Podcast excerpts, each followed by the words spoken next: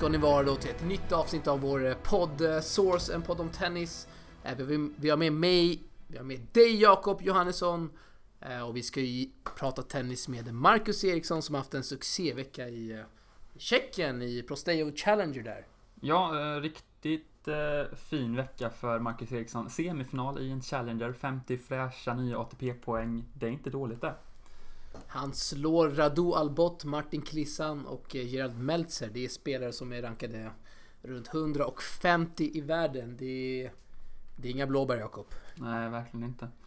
Ehm, och vi ska ju också snacka lite Franska öppna. Vi har ju sett en spännande final här idag. eh, Mellan, eller spännande var det inte. Nej, Spännande var den inte. Nej, det var Tvärt den emot eh, skulle jag säga. Eh, tre raka från Rafa. Hur stark som helst. Eh, det var lite lektion i tennis där från, eh, från Rafa. Det kan man verkligen säga. Men vi, vi återkommer till Franska öppna och eh, vi ska även prata om var du befinner dig någonstans. Men först slänger vi in eh, Marcus Eriksson i vårt samtal här. Everywhere,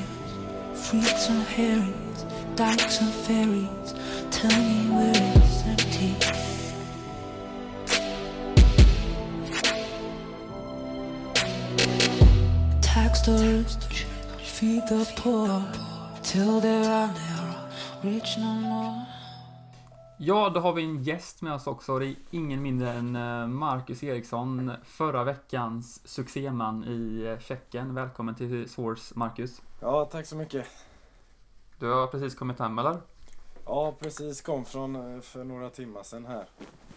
Eh, ja, blev en snabb visit till Frankrike också, en match och så sen hem. Så det ska bli skönt att vila några dagar. Mm, mm. Ja, du får berätta om eh, veckan i Tjeckien. Semifinal i en eh, Challenger, det är inte, det är inte dåligt. Eh, nej, det trodde jag verkligen inte.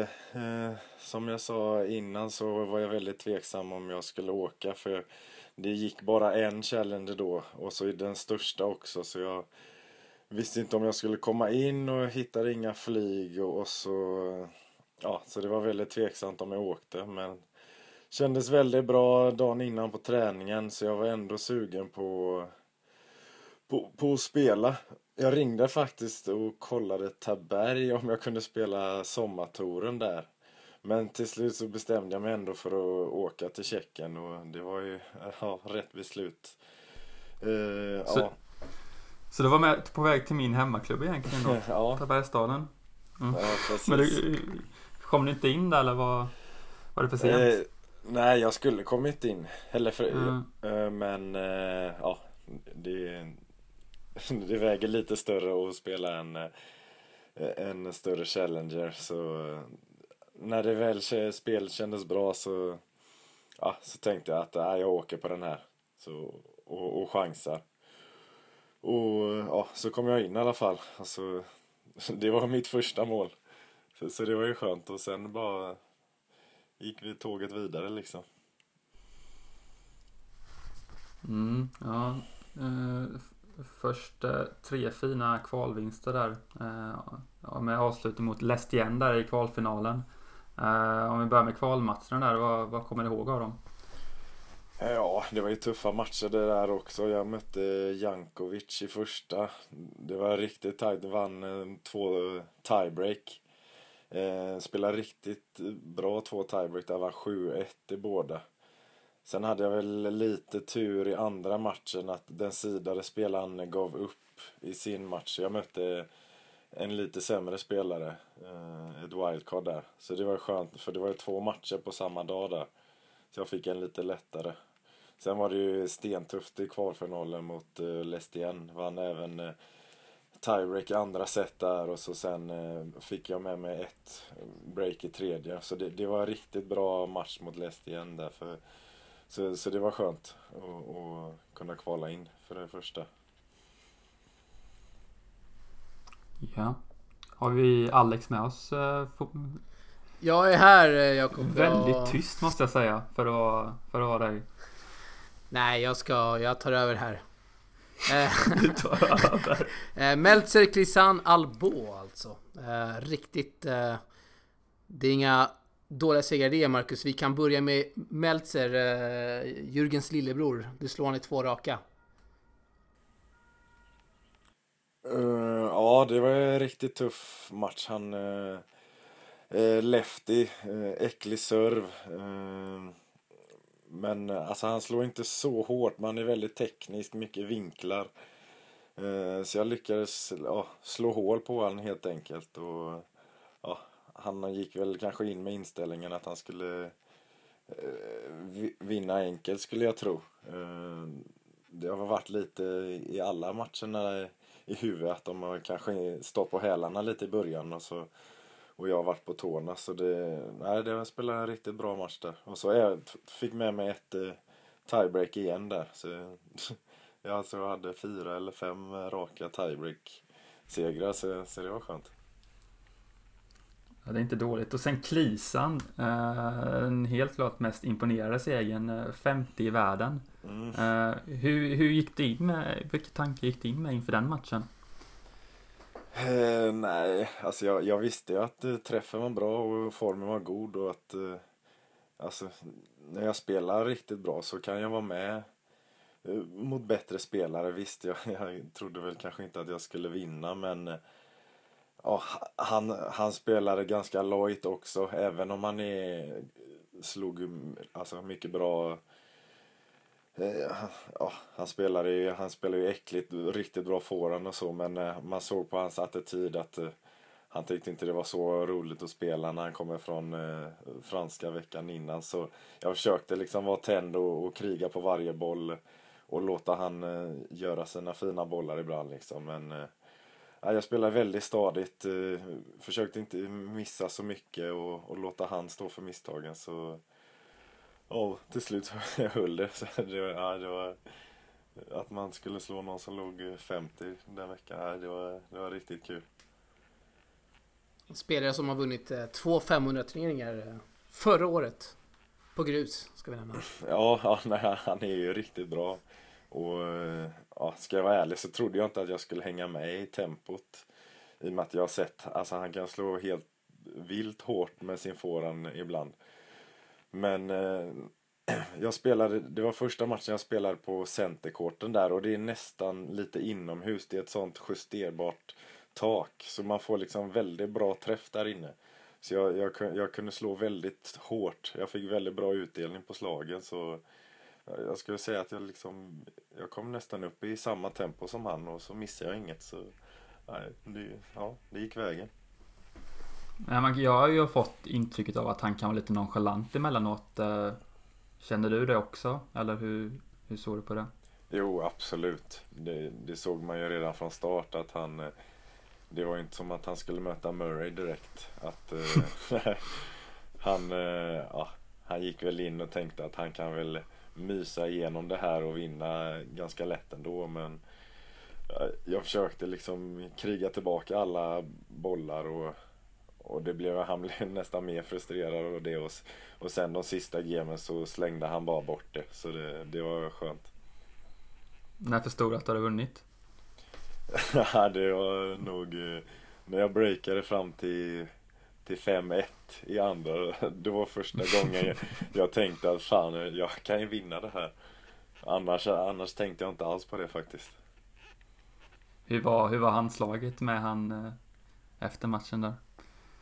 Jo då, det var bra. Han sa liksom bra match och lycka till i nästa. Så det var, mm. det var inget, inget extra där som, som jag hade hört innan att han skulle vara värsta svinet. Nej, men nej, men det var, det var vänligt. Kvartsfinalen där, eh, lite tuffare mot Radu Albo 7-5, 7-5. Eh, lite kontraster mot Grisan. Det är väl en, en spelare som eh, ger väl allt på, på varje poäng. Hur ser du på den matchen? Ja, precis som du säger. Han är ju... Det var en mycket tuffare match. Albot missar ju nästan ingenting och håller högt tempo även om han inte slår så hårt.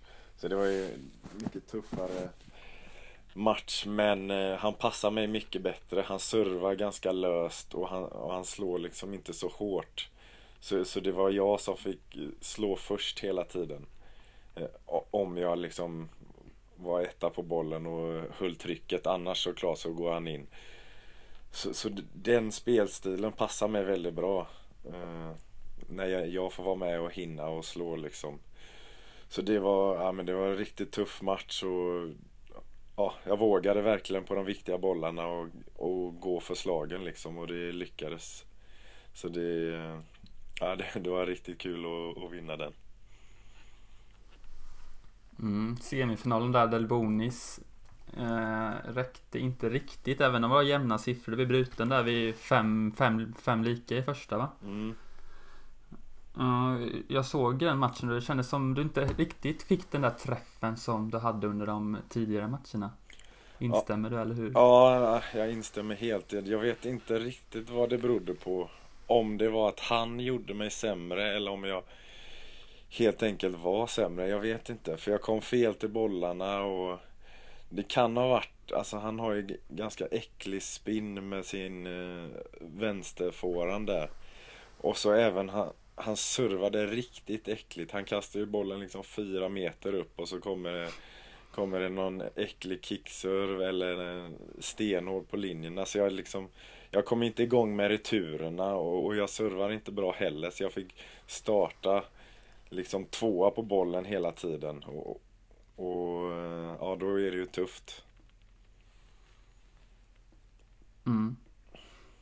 Och eh, andra sätt där, det var väl något liknande där också, att du blev bruten, det var ju fem lika. Uh, ja, så liksom visst, jag, jag hade ju mina chanser men jag kände ändå att jag var lite för dålig den dagen. Att ja, träffen var inte som den var de andra dagarna. Om att det var att han gjorde mig dålig eller om det var jag som var dålig, det vet jag inte. Men han var ett nummer för större, så var det bara. Så, även om det var jämna siffror så tyckte jag inte att eh, jag var nära att vinna riktigt. Eh, Delbonis förlorade sedan i finalen mot eh, Jiri Vesely. Uttal... uttal mm. Bra uttal där eh, Jakob. Eh, hemmaspelaren Tjeckien eh, som eh, tog in hunden efter matchen där. Eh, hunden fick vara med och fira lite. Det var stort att se. Hund? Ja. Ja, hans hund eh, plockade ner på läktaren och... Jag vet inte om du hann se den under veckan Marcus? Jo, jag såg det. Han eh, sprang runt med sin hund hela dagarna så... jo, den såg jag. Det var lite udda att ta med sig den in på banan kanske. Mm. Ja men ändå en fantastisk vecka där. Och om du får sätta några punkter på varför det gick så bra just denna veckan. Vad skulle du, vad skulle du säga då? Eh, jag skulle säga att jag har vågat att spela ut. Istället för kanske ja, hoppas att man vinner så har jag verkligen sett till att ta mina breakbollar och liksom, ja, är det någon viktig boll att ja, jag vågar gå för den lite extra. Att, eh, ja, helt enkelt spelat ut slått ganska, jag har haft bra träff på bollen, slått ganska hårt hela tiden. Så jag har fått styra matcherna och det är viktigt för hamnar jag på bakfoten och får springa mot de här spelarna då är det kört. För jag, jag har inte lika bra defensiv som de har. Mm. Så ja. Jag såg det där mot Jonathan Merida i Båsta mm. eh, under riktiga blåsiga förhållanden. Ja. Eh, du var inte särskilt nöjd med förhållanden och inte ditt spel då heller. Vad, vad är det som har förändrats så mycket eh, från just Båsta till, till Tjeckien? Eh, alltså det är inte så mycket som har förändrats. Det är som du säger, det är olika förhållanden. Det är klart det är, om du går från 5-10 grader Sverige, blåst till 25 grader, eh, bollbyte 7-9 istället för 11-13 eh, inomhus centercourt. Det är liksom inte samma sport. Eh, det blir mycket mer, alltså snabbare spel. Eh, så det passar ju mig bättre. Det är därför jag gillar att spela Challenger och så när det är det, är lite, det går lite snabbare, det är lite fräschare bollar och så. I, i Futuren blir det lite mer eh, krigande liksom. Man kan eh, spela ut lite mer på Challenger-nivå tycker jag. Känner du att du har mer press på dig under, under Future, speciellt på hemmaplan eller? Eh, nej, det, det, tycker jag inte. Eh, men sen är det ju klart det det är ju alltid tufft att möta svenskar, alltså som är kompisar och det är många man känner som kollar och så. Det är, så det är klart att det kanske är eh, lite eh, mer spänt på hemmaplan så. Men ja, jag försöker att se varje match, alltså likadant. Och eh, jag har ju bara varit på två challenge-turneringar, Jönköping och Båstad. Men kan du beskriva stämningen eh, på en challenge-turnering nere i Europa? Hur är det att eh, vistas? Är det lyxigt eller är det som vilken tävling som helst? Eller hur, hur, ser, hur, hur, hur ser det ut? Ja, lyxigt är det väl inte, men det är bättre standard. Är det. Det, är liksom, det är nya bollar till varje träning. Du får liksom vatten och transporten fungerar. Du vet, allt det här, de tar hand om dig lite mer. Eh, försöker fixa. På Future är det ju, då är du bara själv. Eh, de försöker i princip inte hjälpa dig någonting på tävlingarna. Eh, oftast. Så på challengen så tar de hand om dig mer. Och, och så sen ATP är det ju ännu mer då. Men eh, sen beror det på vad man, vilken tävling det är. Men de flesta i Europa-challengerna är så är det väldigt bra standard. De har en stor centercourt. Det är träningsbanor och det är nya bollar och, och ja, lite sånt där är det. Så nej, det är bra stämning. Kan du känna att du, eh, du höjer dig själv också när du spelar lite, de här lite större turneringarna än Säg en Challenger i, eh, förlåt, en Future i Turkiet till exempel? Jo, jo det tycker jag. Alltså, och så sen spelar man ju Ja, som denna vecka nu, då, då, spe, då bollar jag ju in med kanske topp 100 spelare och så. Jag tränar med dem på på kvällarna efter matcherna. Och då, man vänjer ju sig vid tempot också. Och spelar jag en Future då får jag inte möta någon som är bättre än kanske 300. Eh, så, så man anpassar ju sig i, i miljön också. Liksom vilka man spelar med och man kanske till och med kollar på någon match och tänker fan vad de slår och så måste man själv liksom försöka hålla uppe det tempot. På Future-nivå så ja, det är inte samma tempo, det är inte lika professionellt eh, från alla håll så det, man anpassar sig lite till miljön tycker jag. Mm. En sak jag tänker på när jag sitter och kollar på sådana här streams till Challenger är att det är knappt aldrig, aldrig något folk, på, speciellt på de första omgångarna och eh, jag vet inte hur intresset ser ut eh, kring de här turneringarna i Europa. Um, Frank, fransmännen brukar väl vara bra på... Ja, italienare också men... Eh, ja, men generellt sett... I Sydamerika är det ju inte alls bra. Publikmässigt. Nej, just i Sydamerika är det dåligt. Men eh, alltså, om du ser till Europa skulle jag säga att intresset är eh, väldigt stort. Eh, alltså om du ser på kvaldagarna. Framförallt, alltså nu i Prostjov, då var det alltså det var flera hundra som var var där. Det är ju klart, det är inte ATP publik liksom. Men det är ändå fullt ös tycker jag. Sen är det ju tufft när man spelar mitt på dagen. Det är klart att det inte kan komma så många men eh, jag tycker ändå att det brukar komma hyfsat mycket beroende på vilken tidpunkt och så det är på dagen liksom. Mm. Hur mycket kostar det att ta sig in på en dag under de första omgångarna där? Uh, nu Har du koll på det? Det varierar eller hur, hur ser det ut? Ja, det varierar. Nu i Prostjov kostar det ingenting. Under, uh, men annars brukar det väl vara kanske en, eh, en, en hundring per dag eller något. 10 euro för att komma in. Kanske 5 om man är under 18 eller så brukar vara standard. Fast vissa har ju gratis också, så det beror på... Ja, det är lite från tävling till tävling. Yes, och mm. eh, kul där i Tjeckien och dagen efter, då var det på lördagen där, då var det dags igen Marcus. Eh, vill berätta lite? Det var en... Fick ju resa, var det, var det tre eller fyra på natten du fick bege dig till Frankrike? Ja, eller det började egentligen direkt efter matchen. Alltså jag visste ju inte var jag skulle åka i och med att jag inte fick special. I och med att det var en lördagsfinal som är väldigt udda. Det brukar nästan alltid vara söndagsfinal. Så då kunde jag inte komma in i någon huvudtävling då. Så då fick jag egentligen kolla flyg vart, vart kunde jag komma dagen efter tidigast. Och då var det ju Lyon som jag kunde flyga från sju på morgonen och vara framme nio. Så då fick jag ta transporten ja, tre på natten. Så ja, sov eh, tre timmar där och så sen bil, flyg. Och så fick jag ja, bolla in en halvtimme och så sen var det match igen då. Hur tömd på energi var du när matchen drog igång där mot Maxim Chazal om jag uttalar rätt i, i kvalrundan?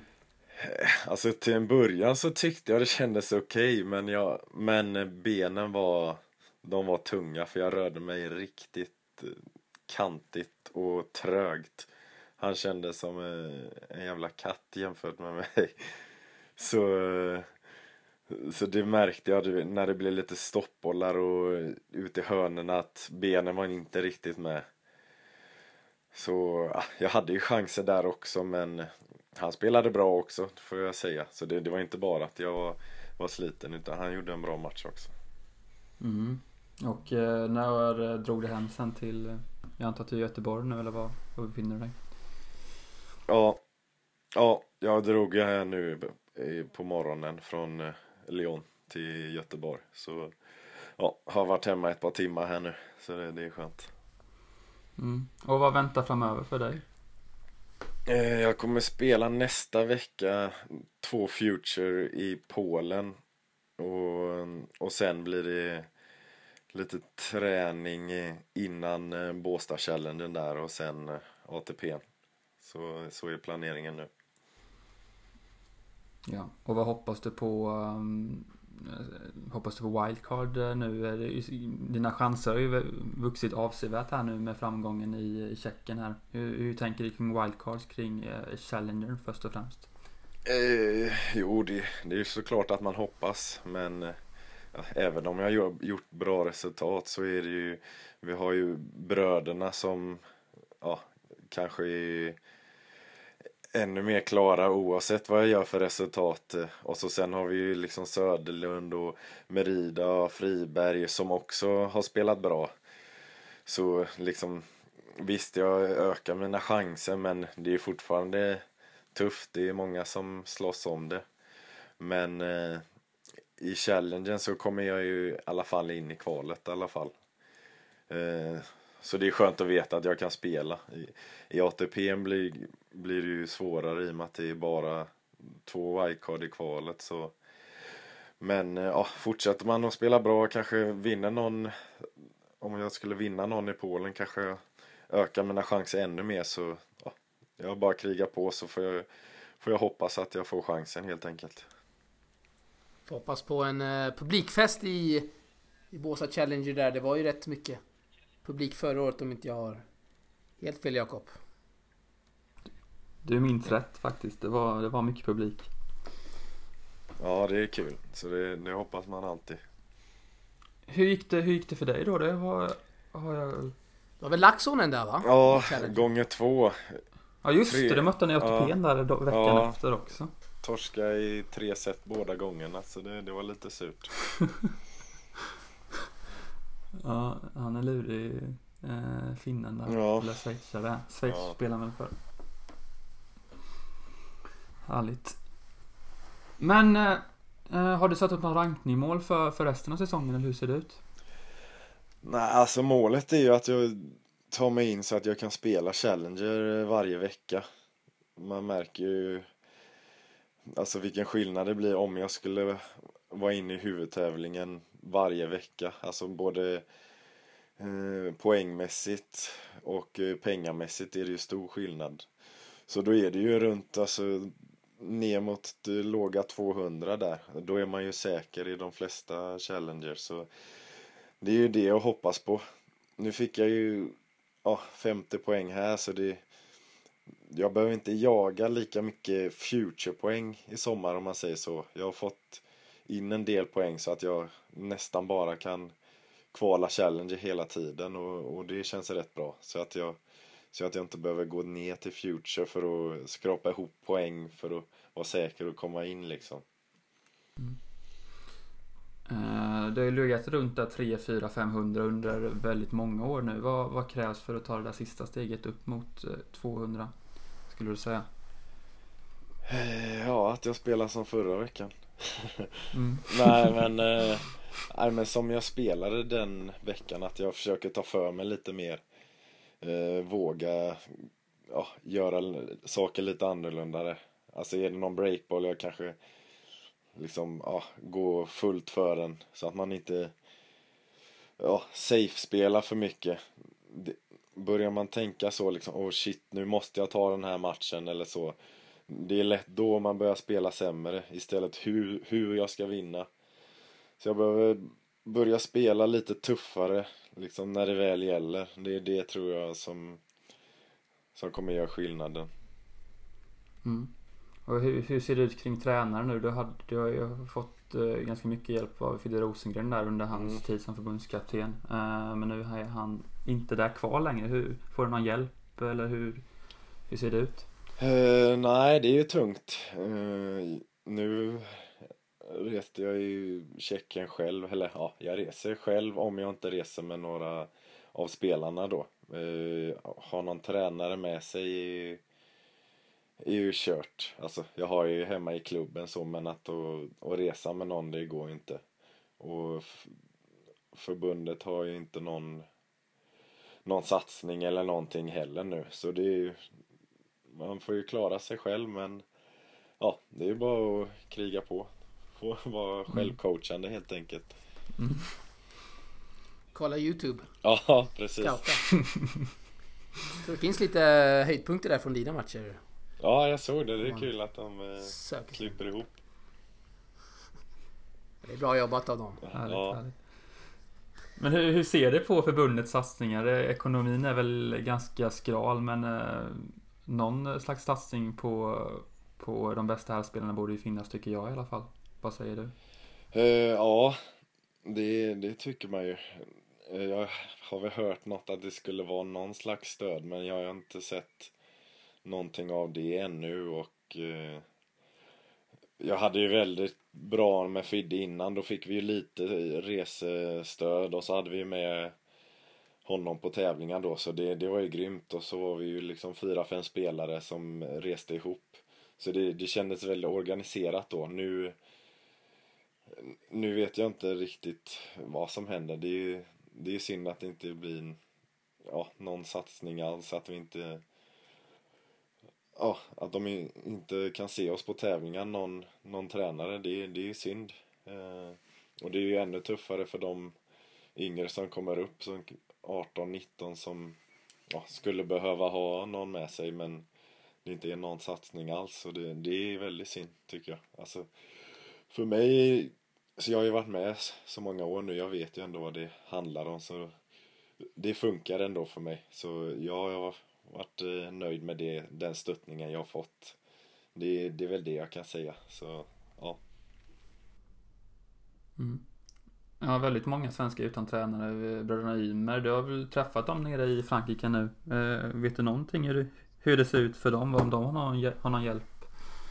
Har du någon inside, inside information som inte någon annan vet? Nej, jag är inte så bra De hade inte med sig någon tränare i Frankrike i alla fall, det vet jag. Så eh, sen vet jag inte vad de har för eh, deal eller vad de tränar heller just nu. De har väl också skiftat rätt mycket. Men eh, ja, de hade inte med sig någon tränare, tränare nu i alla fall och det, det är ju synd. Det skulle de ju behöva också tycker jag. Väldigt härligt. Marcus, du har varit eh, rankad eh, topp 300, ligger runt 400 nu. Kan du, jag och Jakob har ju pratat om det här tidigare, kan du känna någonstans att eh, folk inte sätter eh, i perspektiv riktigt hur, hur högt rankad du ändå ligger? Vi snackar topp 400 i världen i en så stor sport som tennis ändå. Eh, jo, alltså det är ju det är väl klart att det hade varit eh, roligt att ha lite mer uppmärksamhet men men eh, som förra veckan här nu så får man otroligt mycket gratulationer och så så folk eh, bryr sig också liksom när det går bra och så.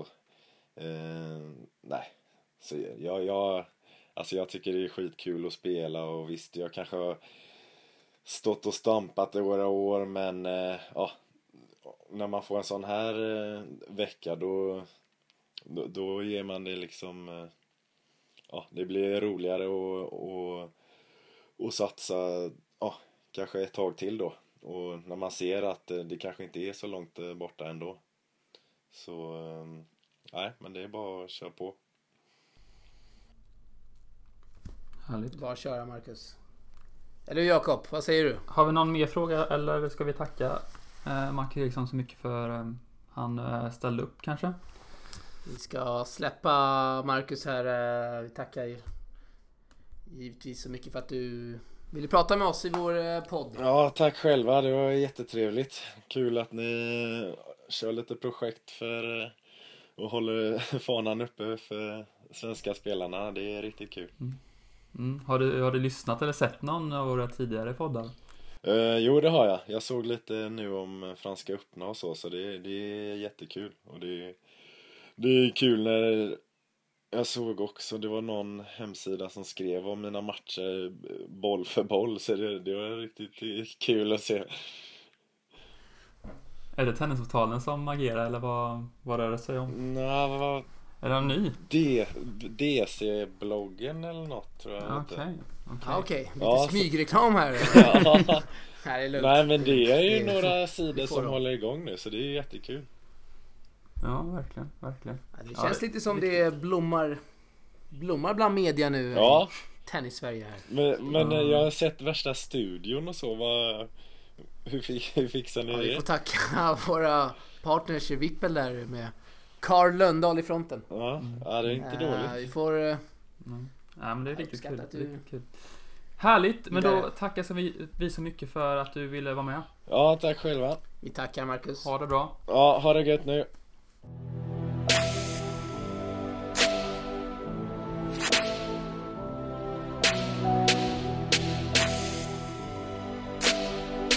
Ja, väldigt roligt att snacka med Marcus Eriksson, en av eh, alla våra kämpar där ute på touren.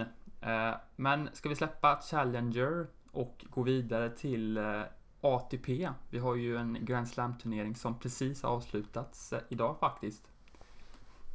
Ja, vi hade ju herrfinal idag mellan Raffa och Stan Wawrinka på förhand. Raffa var ju givetvis favorit. Men att han skulle vinna så överlägset ändå, det kanske man inte trodde mot eh, Wawrinka. Nej, jag trodde faktiskt att eh, Wawrinka skulle, skulle ta något sätt i alla fall. Han spelade ju fantastiskt där. Var det två år sedan han eh, fullständigt malde ner eh, Djokovic i finalen. Och eh, men han hade ingenting att svara med egentligen. Rafa spelade en fantastiskt bra tennis.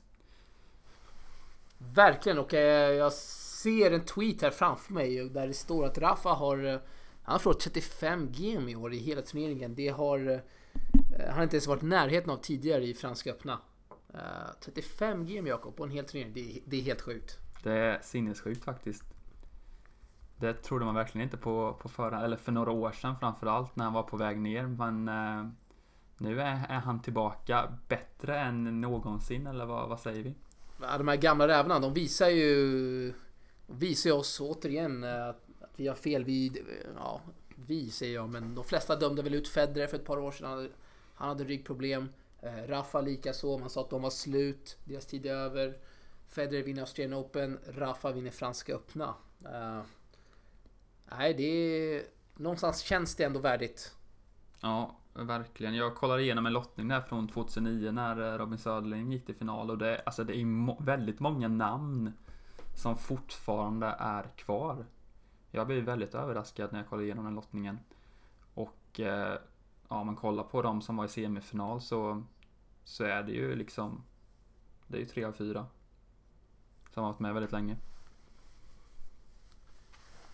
Ja, men samtidigt känns det ändå som att det, eh, det pågår någonstans ett eh, generationsskifte skulle jag säga. Vi har ju ändå ett par, par yngre som är på väg framåt. Vi har Dominic Team.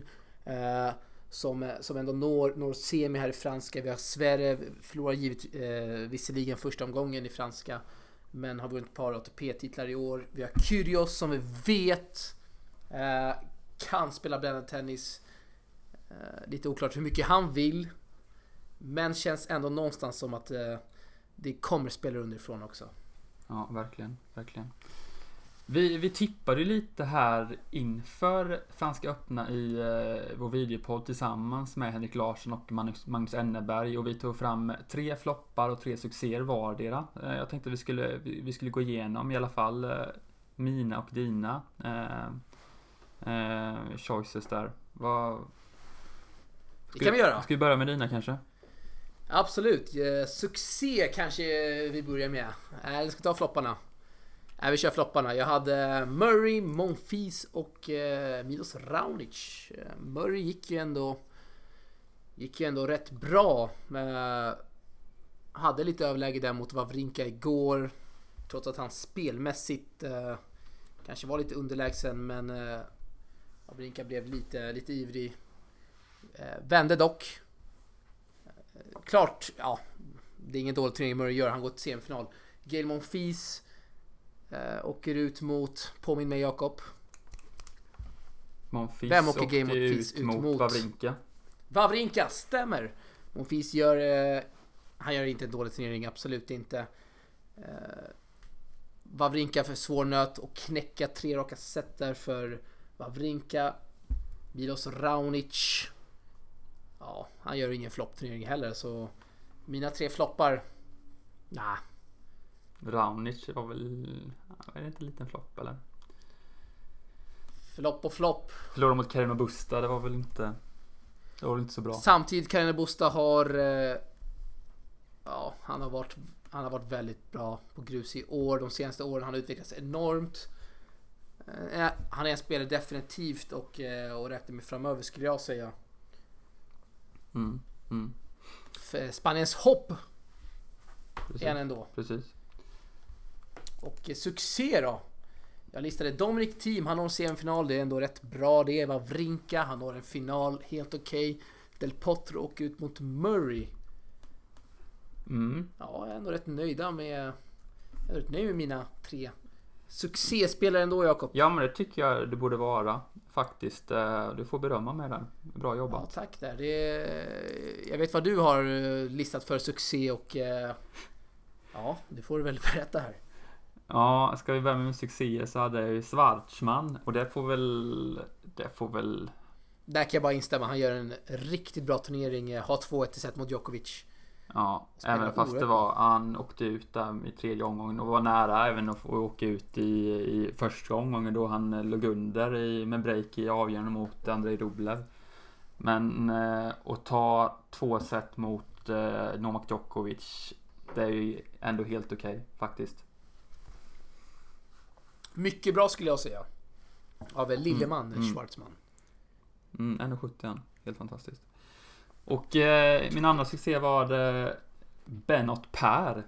Eh, och han stötte Oj, på Rafael Nadal i den första omgången så det är väldigt svårt att värdera. Men eh, han tog 6 game på tre set.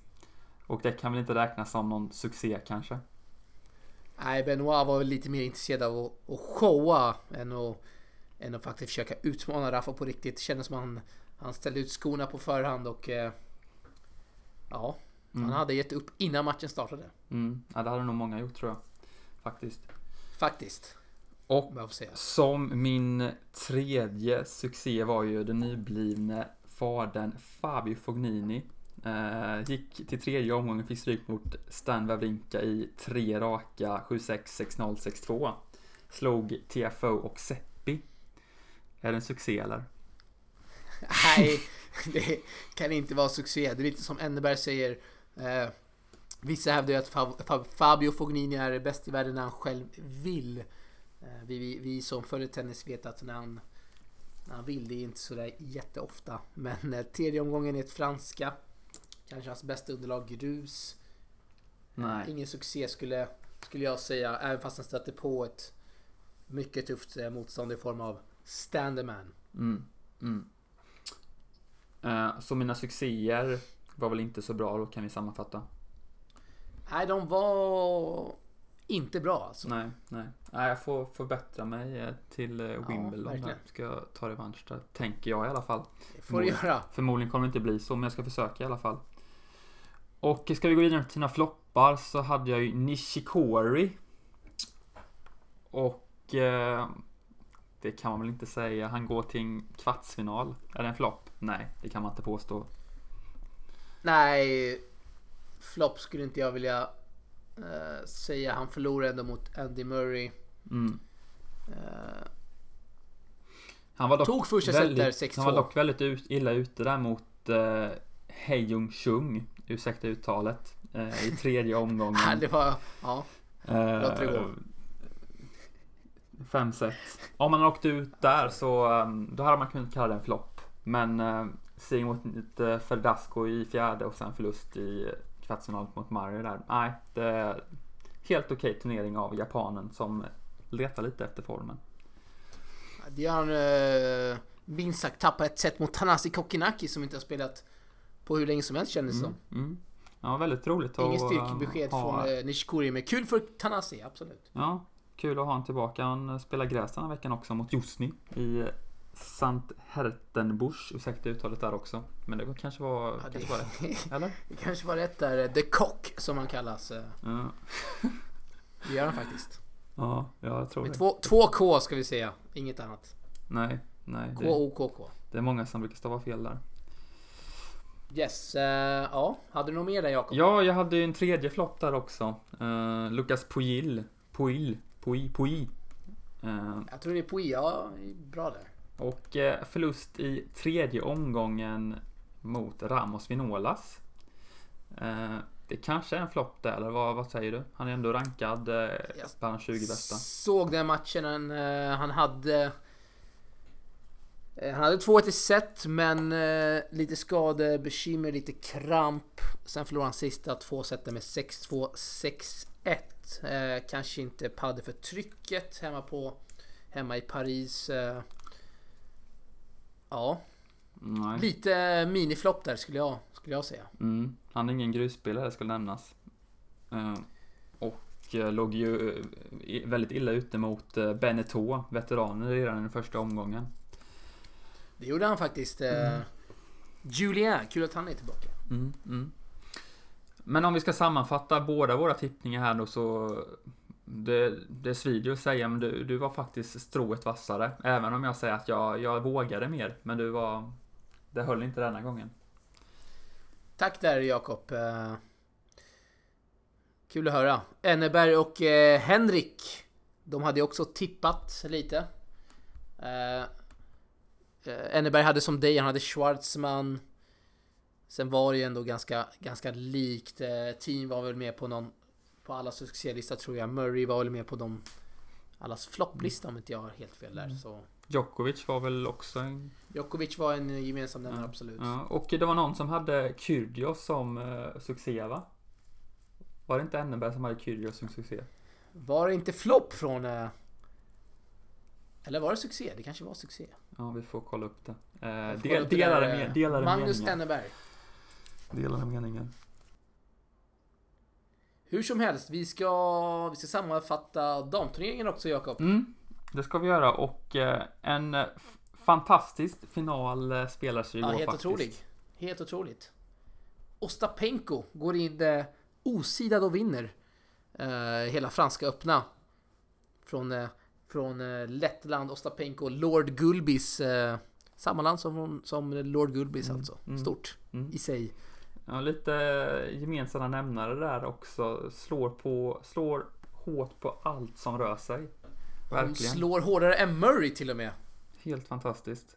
Och eh, hon låg ju under där i finalen också. Låg under i set och eh, i andra set också men lyckas vända. Och eh, Halep var ju ganska överraskad verkar det som. Verkligen, Halep hade ju sett och eh, 2-0 där hade väl någon genboll fram till 3-0. Uh, men Ostapenko kom Mm. Ja, tillbaka. men jag tror det är väldigt viktigt för, för VTA här att få ett namn eh, ett, ett namn här som kan ta över efter eh, Williams och Sharapova, eh, Kvitova och Azarenka som och jag tror Verkligen. Ostapenko, Ostapenko kan vara ett sånt namn verkligen. Hon är väldigt populär bland eh, publiken. Eh, Hela, hela Filip Chatrier höll ju verkligen på, på henne verkar det som. Visar mycket, mycket känslor och lever sig verkligen in i matchen. Eh, vilket man som eh, tennisfan gillar lite extra mycket kanske.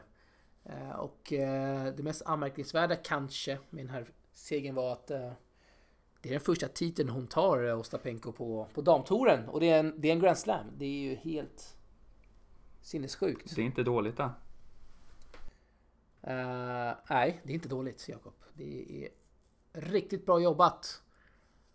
Och hon är den yngsta som vinner franska i damklassen på 20 år. Mm. Och- Eh, kul där. Ja, watch out for eh, Ostapenko kan vi säga. Eh, Johanna Larsson, ensam svensk i turneringen, förlorar mot Putintseva med 6-3, 1-6, 6-3. Johanna var på, på väg tillbaka i tredje set. Hade, låg, låg väl under med dubbelbreak om inte jag helt fel. Breakade tillbaka men blev sedan bruten igen eh, mot en spelare som eh, slog oerhört mycket stoppbollar. Det var lite Benoit Per-varning där Jakob. Mm, men det gillar ju vi. Eh, stoppbollar. Verkligen, det var riktigt kul att se på. Ja. Men det, det som inte, det har ju inte handlat så mycket om Johannas spel just efter den matchen utan om eh, de hatmeddelanden hon har fått där efter, eh, efter förlusten. Hon laddade upp på Instagram bland annat. Eh, känns ju inte så bra va?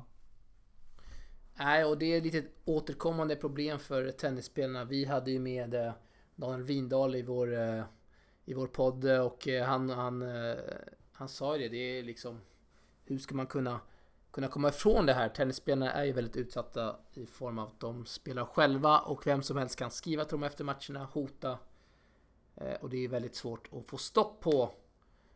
Men jäkligt beklagligt och oftast har det ju med pengar inblandade, speltorskar som inte kan eh, hålla sig styr. Mycket, mycket tråkigt. Och, men eh, tennis fick ju lite uppmärksamhet där i, i svensk media, vilket, vilket, vilket inte hände så ofta. Men det är ju tråkigt att det ska eh, vara just på grund av eh, hot. Absolut. Eh, resultat kanske skulle man vilja Mm, få fram lite i media. Det händer lite, mm, lite positiva grejer nu med Mackan till exempel som vi har snackat med. mm. Men det står inte på Expressen. Nej, det är dåligt av Expressen. Mm. Sågningen av. Expressen.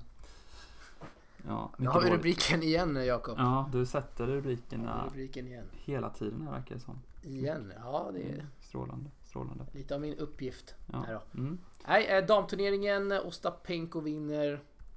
Eh, ja, Strålande. Känns strålande och ha ett nytt eh, namn där på damsidan.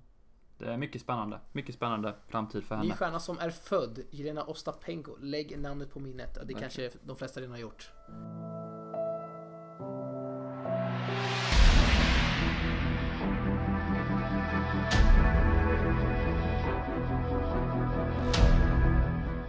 Men om vi, om vi släpper eh, Grand Slam tennis och eh, du ska berätta var, var du befinner dig någonstans. Yes Jakob, eh, jag befinner mig i, eh, i Tyskland, i Stuttgart. Det spelas ju grästennis eh, framöver. Och eh, vi är här då eh, tack vare vår sam nya samarbetspartner Leo Vegas. Eh, som sponsrar turneringen. Och eh, ja, vi kommer vara här och... Eh, eller jag kommer vara här, du har ju jobb på hemmaplan. Någon måste ju Någon, Hålla uppe tennisportalen, eller hur Jakob? ja, någon måste hålla ställningarna på hemmaplan också. Nej, så vi är här och eh, kommer kolla lite grästennis, bevaka lite och det kommer bli jäkligt kul. Eh, Mm. Riktigt kul kommer det bli. Mm. Stort tack till Leo Vega som eh, vill vara med och satsa på oss. Känns verkligen roligt. Riktigt kul, vi är djupt tacksamma och det är ett riktigt bra startfält för att vara en 250 turnering. Vi har eh, Roger Federer här, vi har Grigor Dimitrov. Eh, vi har Berdych, Puy, Lopez, Steve Johnson, Kohlschreiber, Jill Simon, Trojki, han kanske heter Trojtski, eh, Mischa Zverev, Bernard Tomic, det är lite av din favorit kanske Jakob. Mm. Gillar han. Verkligen. Ja, bra spelare på plats. Ja. Om, om, du ska rabbla upp lite, om du ska rabbla upp lite odds där från Leo Vegas. Eh, vem tar hem det? Det är väl Federer är eh, lite av en stor favorit som Rafa var i franska. Han har 1,80 på att vinna hela kalaset. Grigor närmast på 6. Så har vi Berdych och eh, Puy överraskat som 4 på 11. Eh, att Puy är före Lopez, Steve Johnson, Mischa Sverre, va? Ja.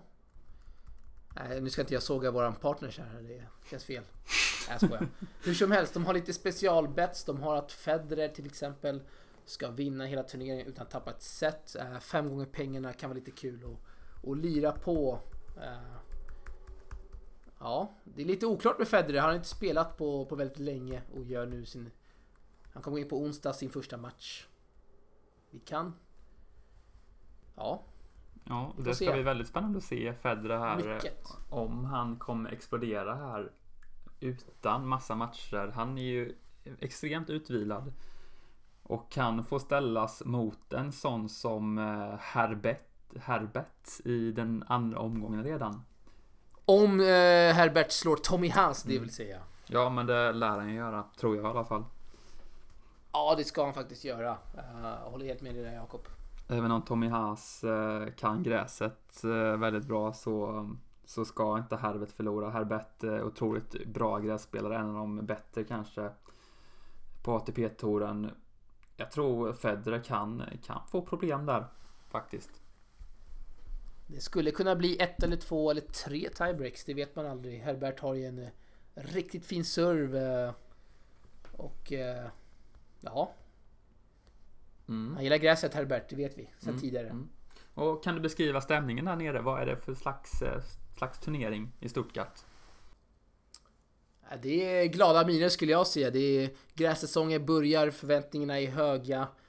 Eh, idag, söndag, när vi spelade in avsnittet var det 28 grader. Federer bollade in på centercourten med Tommy Haas. Eh, som sagt, grässäsongen drar igång. Det är 250, men ändå så har de fått fram ett ruskigt starkt startfält. Och det ska bli riktigt, eh, kul att få den här turneringen. Eh, spelas ju grästennis också i, eh, i Halle. Förlåt, Hertogenbosch. Halle börjar inte än, skojar bara. Nej, det är väl Queens och eh, Hallen nästa vecka? Stämmer bra det. Eh, Ja, Mm. kul ska det bli. Vi har en svensk med i turneringen. Vet du vem det är Jakob? Det är väl Robban Lindstedt va? Det Förmodar är väl Robert Robban Lindstedt. eh, Spelar med Treat Huey. Oklart uttal där. eh, Dubbelspecialisten. De parar ihop. Eh, Robban som spelar med Sam Groff. Men han är i Nottingham just nu och eh, spelar Challenger tennis på gräs. Så han är där. Precis. Härligt. Hade vi något mer att säga eller har vi spelat in detta klart? Vad, vad säger du? Det känns som vi har fått med allt. Innan vi drar så vill jag bara påpeka att eh, eh, eh, Stefan Robert har 501 gånger pengarna att vinna Stuttgart. Det är kanske är värt att lägga in en peng där. Det tror jag verkligen inte. Men det är kul att du är optimistisk. Ja, det är så ni är. Strålande. Eh, ni får ju kolla in på Tennisportalen här. Jag kan lova att eh, Alex har väldigt fina och grejer på G där nere i Stuttgart. Vi hoppas eh, verkligen på flera intressanta intervju, eh, intervjuer. Vad, vad, vad kan du lova oss? Jag kan lova en intervju med en svensk här nere. Då kanske ni redan vet vem det är. Eller så vet man inte det och då får man hålla utkik på sidan för det kommer bli mycket gott framöver. Under veckan. Skitbra, men eh, då får du ha det så gott nere i Tyskland så håller jag ställningen här på hemmaplan. Tack så mycket Jakob. Eh, Kul att prata med dig som vanligt och eh, vi hörs vidare, du och jag. Det gör vi verkligen. Och glöm Och inte våra att- lyssnare. Ja, och nu får du verkligen inte glömma kolla våra videopoddar där heller med Vindal och vår intressanta podd inför Franska öppna. Och det kommer även en ny podd, en liten bonuspodd där som vi gjorde samtidigt med Magnus Enneberg och Henrik Larsson där vi snackar lite svensk tennis, lite Umeåbröderna och så vidare. Den kommer komma ut på Vippel under denna veckan samtidigt som vi släpper denna. Så dubbla avsnitt av Source denna veckan alltså. Fantastiskt, eller vad säger du? Det blir eh, bara att gå och köpa popcorn kan jag säga Jakob. Mm. Eh, Vippel på Youtube. Sen finns vi lite på sociala medier. Eh, vad heter vi det Jakob? Eh, ja, så, sök på Source så kommer vi garanterat upp. Någonstans i alla fall. Mm. Och ni kan, mejla, oss också på source Tack för oss idag och eh, ja, vi hörs vidare.